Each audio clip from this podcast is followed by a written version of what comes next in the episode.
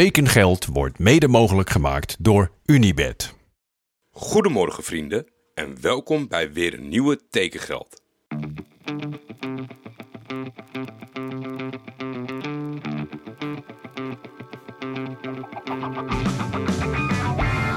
Waar gaat Hilterman naartoe? kan u mededelen dat er overeenstemming is bereikt met Johan Cruijff bij Feyenoord. Navarone voor. Vandaag in andere kleuren, hè? Ja, dat zeker. Dat is wel even wennen natuurlijk. Berghuis, een van de meest besproken transfers ooit, denk ik.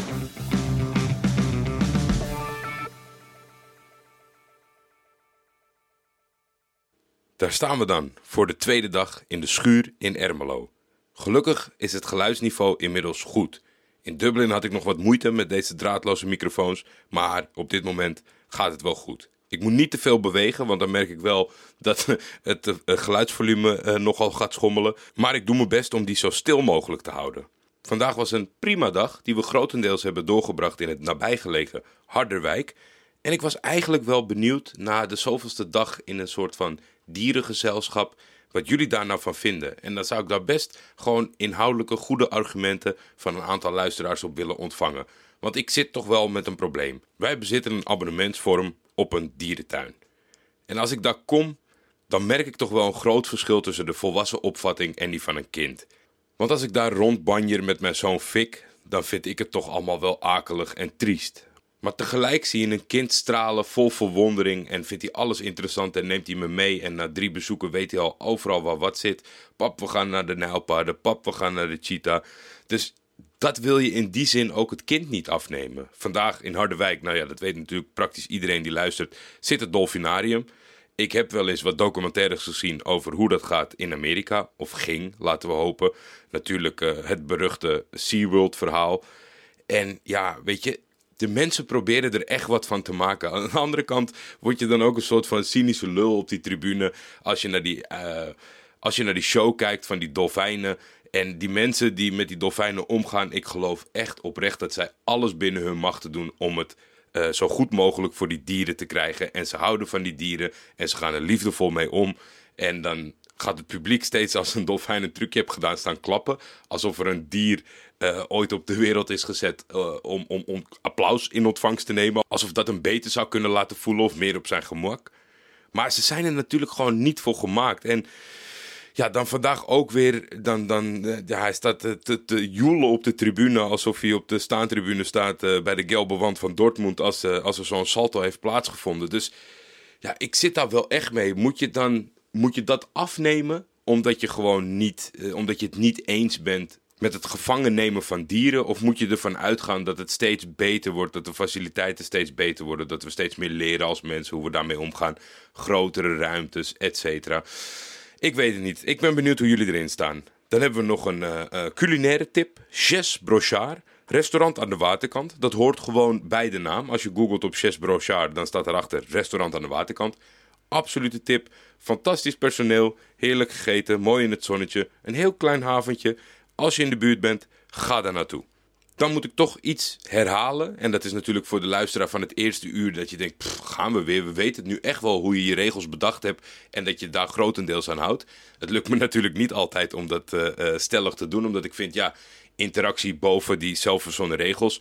Maar er waren bijvoorbeeld uh, afgelopen dagen een aantal, een aantal Heerenveen supporters die zeiden van ik luister met zoveel plezier. Elke dag open ik hem.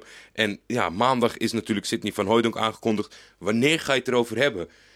Een van de regels is natuurlijk dat we het niet hebben over spelers die een contractverlenging doen. Of die aansluiten bij de club waarvan ze, waardoor ze vorig seizoen gehuurd zijn. En dat is natuurlijk in het geval van Sidney. Want hij was afgelopen seizoen al gehuurd en trekt nu weer een jaar naar Heerenveen. Dus wat dat betreft, daarom staat hij er niet bij. En om jullie harten niet te breken, zal ik natuurlijk wel er wat van vinden. En dat is dat ik denk dat het een goed aanvalsduo is. Uh, van Hooydonk en Sart, ze vullen elkaar aan. Ze hebben afgelopen seizoen in de tweede seizoenshelft... toen ja, Heerenveen toch wel een beetje op sterven na dood was... en dat ik wel eens ging uh, nadenken over een eventueel zeer verrassende degradatie. Omdat ze stelden een trainer aan waarvan ik, nou ja, niet per se onder de indruk was... Maar dat is totaal anders uitgepakt. En je zag hun eigenlijk naar elkaar toe groeien. Sar heeft natuurlijk zo zoveel indruk gemaakt. En het was voor Heerenveen deze zomer en misschien nog wel even uh, tot aan het einde van de periode spannend of het niet bij een heel kort verblijf zou blijven van Sar, die toch wel heel veel potentie heeft laten zien.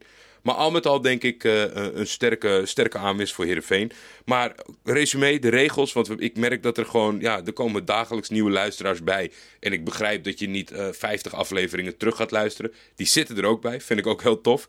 Maar voor als je dus in de afgelopen periode bent aangeschoven we hebben het alleen over transfers op het moment dat ze officieel zijn bevestigd. Er was vandaag ook een Feyenoorder in de DM die zei van... nou, ik ben wel benieuwd wat je van het totaalplaatje vindt van het nieuwe Feyenoord.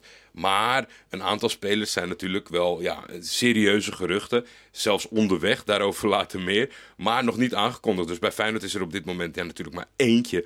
Uh, die echt officieel is gemaakt vandaag. En dat is uh, Oussama Idrissi.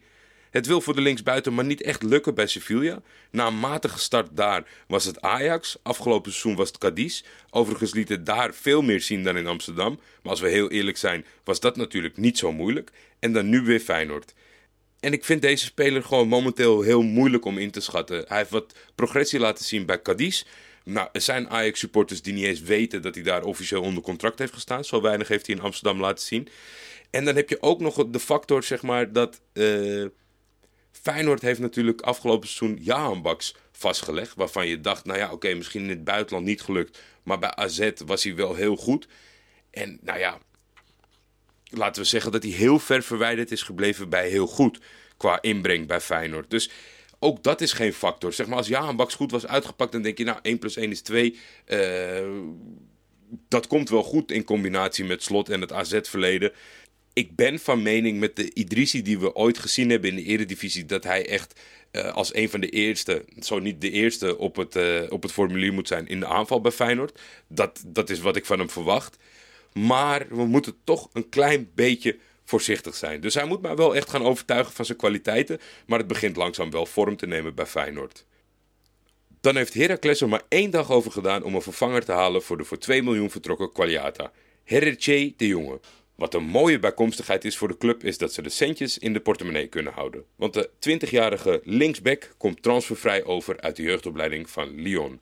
Hij is Belgisch-Congolees en ja, toch iets wat vaker terugkomt bij mij. Dat heeft het op een bepaalde fascinatie en ook een bepaalde afkeer, merk ik. Dat je op zo'n jonge leeftijd al een, een clubhopper bent. Hij is 20 jaar, heeft al onder contract gestaan bij Westerlo, PSV, Lyon en Utrecht. Ja, dat, ik vraag me toch altijd af of dat, uh, of dat nou goed is. Wat, wat, de, wat, de, wat de achterliggende redenen daarvan zijn. Maar in ieder geval, uh, qua clubs waar hij onder contract heeft gestaan, biedt dat heel veel potentie voor Heracles. En kan het op deze manier weer meer geld bijschrijven deze zomer. Ze hebben al wat geld binnengehaald. Joep van der Sluis is de nieuwe linksbuiten van Topos. Wat opmerkelijk is, is dat Joep twee dagen geleden, meteen na het opnemen van tekengeld, ineens op transfermarkt stond. En de volgende ochtend niet meer. Nu, twee dagen later, is het toch officieel gemaakt. Joep was een talentvolle speler bij NEC, maar na de verrassende promotie van de Nijmegenaren bleek hij toch tekort te komen voor het eredivisieniveau. Ik ben toch benieuwd wat deze twee dagen vertraging heeft veroorzaakt. Colin Odutayo verruilt de opleiding van Roda JC voor Neptunas uit Litouwen. De in Roermond geboren aanvaller met Nigeriaanse roots heeft ook al zo'n bewogen carrière werd vroeg opgepikt door Genk, verruilde de Belgen voor Aston Villa. Na twee jaar lieten zij hem transfervrij gaan en Roda pikte hem op, maar was nog niet klaar voor het eerste elftal. Nu, zonder seniorenbijdrage, verlaat hij Kerkrade voor een avontuur in Litouwen. Dat waren de officieel afgeronde transfers, dan zitten we nu in de geruchtensfeer. Want we hebben het net over de regels gehad en dan hebben we een speler die het zelf bevestigt. Niet de club, niet transfermarkt, maar gewoon de speler zelf, die op de airport zit te wachten op zijn vlucht naar Rotterdam. Santiago Jiménez is de nieuwe spits van Feyenoord. Althans, hemzelf. En wie ben ik om hem tegen te spreken? Uh, ik ben hier in de bossen natuurlijk niet in de gelegenheid om eens even lekker tig wedstrijden van hem terug te gaan kijken. Maar ik heb een goed gevoel bij de spits. Hij heeft in het huidige net begonnen seizoen in Mexico eindelijk zijn basisplaats veroverd. De afgelopen seizoenen werden hem wekelijks wel speelminuten geboden, maar was hij zeker geen vaste waarde. Er zit een goede kop op, goede mix qua nationaliteiten. Hij is geboren in Argentinië, maar heeft de Mexicaanse nationaliteit. Hij is niet zo groot, 1,83, maar al met al wel alles wat ik zoek in de transfer, zeker bij de topclubs in Nederland. Onbekend voor de massa, aangeschreven als zeer talentvol en niet op basis van een lachen seizoen bij een subtopper. Feyenoord is uiteindelijk en met legitieme redenen nog best wel laat in het seizoen bezig met het samenstellen van de nieuwe selectie. Ineens is daar Benfica die Arsenis wil en dan moet je doorschakelen. Er is ineens misschien meer geld beschikbaar, et cetera. Dus ik denk dat Santiago Gimenez, maar ook eigenlijk de gehele ploeg die er zo langzamerhand best wel leuk uit begint te zien. Ik denk dat ze alle pijlen nu moeten richten op een linksback die zich staande houdt. Ook uh, met, de, met de toevoer naar Idrissi toe. Maar voor deze ploeg zou mijn advies zijn, en dat heeft uh, het Legioen eigenlijk afgelopen seizoen al bewezen dat wel te hebben, zeker met de nieuwe trainer. Geef ze even de tijd. Dan Arjan van der Heijden moet volgens de goed geïnformeerde bronnen de nieuwe linksbuiten worden van Roda. En dat is een potentieel sterke transfer. Later meer natuurlijk als het officieel is gemaakt. Dan wel een echt gerucht zoals dat in tekengeld hoort. Chardo Arnst is erachter gekomen dat Kennedy Boateng, een 25-jarige centrale verdediger uit Togo, spelend bij Santa Clara, zelf NEC is gaan volgen. We houden het in de gaten en wie weet hebben we weer met terugwerkende kracht een grote primeur. Dan in de goede geruchtensfeer iets, ja, uh, het hangt een beetje boven mij deze zomer. Het is al een aantal weken een gerucht. Uh, de, ik merk dat de Galatasaray supporters die woonachtig zijn in Nederland zelf heel enthousiast zijn. de mensen op Twitter die mij wat beter kennen, die weten dat ik dat niet per se ben. Maar ook de trainer van Galatasaray, Okan Buruk, heeft zojuist bevestigd dat Galatasaray in vergevorderd stadium is om het om Michu aan te gaan trekken. Mijn grote vriend Michu. Nou, als je een tijdlijn hebt, en de naam Felipe Melo is natuurlijk al vaak gevallen, dan heb je Felipe Melo voorbij, uh, voorbij de ene lijn, zeg maar, en Michu achter de lijn contra. Ik denk dat het best wel lastig wordt om twee nog uiteenlopende spelers op eenzelfde positie te vinden. Maar ja, dat is gewoon een beetje, ik zoek het ene en dan krijg je het andere. Eh, inhoudelijk zal ik niks uh, slechts zeggen over de kwaliteiten van Mitchell. Maar het is natuurlijk niet een speler die een elftal kan dragen wat dat betreft. En, en dat is wel wat de huidige selectie van Galatasaray goed kan gebruiken. Maar we duiken erin op het moment dat Galatasaray het echt voor elkaar krijgt om hem vast te leggen. Dan tot slot heb ik toch nog iets meegenomen wat eigenlijk misschien niet eens in de, in de show hoort. Maar Tom Meerdink die uh, mij onder een bericht en dat uh, was uh, ja, wel een legendarisch filmpje. Torino manager Ivan Juric en sporting director Davide Fagnati got into a fight today, just 17 days before Torino season start. Fagnati, I make the squad. Juric, you don't make shit. En dan zie je oprecht twee nou, bejaarde mensen wil ik niet zeggen, maar uh, ruim volwassenen met elkaar bijna op de vuist gaan. Op het, er is volgens mij op een gegeven moment dat ze daadwerkelijk met elkaar op de vuist gaan. De filmer heeft dat niet goed vastgelegd, maar er wordt wat geschreeuwd. Uh, een van de twee heren heeft pijn, dat mogen duidelijk zijn, gezien de geluiden die er loskomen. En het is natuurlijk een bizarre situatie. Een technisch directeur die uh, op de vuist gaat met de trainer. Wat ik voor de context nog wel een belangrijk detail vind. En dat moet misschien Wesley Victor Mak, als hij het filmpje kan vinden of gezien heeft, mij maar even laten weten, Wesley. Uh, in de vertaling, zeg maar. Want I make the squad, you don't make shit. Het, het het is beide natuurlijk waar. De technisch directeur, vind ik, moet de ploeg samenstellen. Wel in overleg met de trainer. Maar de trainer, zeker Juric, is een passant. Dus ik zou hem niet alle aankopen laten verrichten. Dus waar hebben deze twee mensen het over? Gaat het om het feit, het, het samenstellen van de selectie?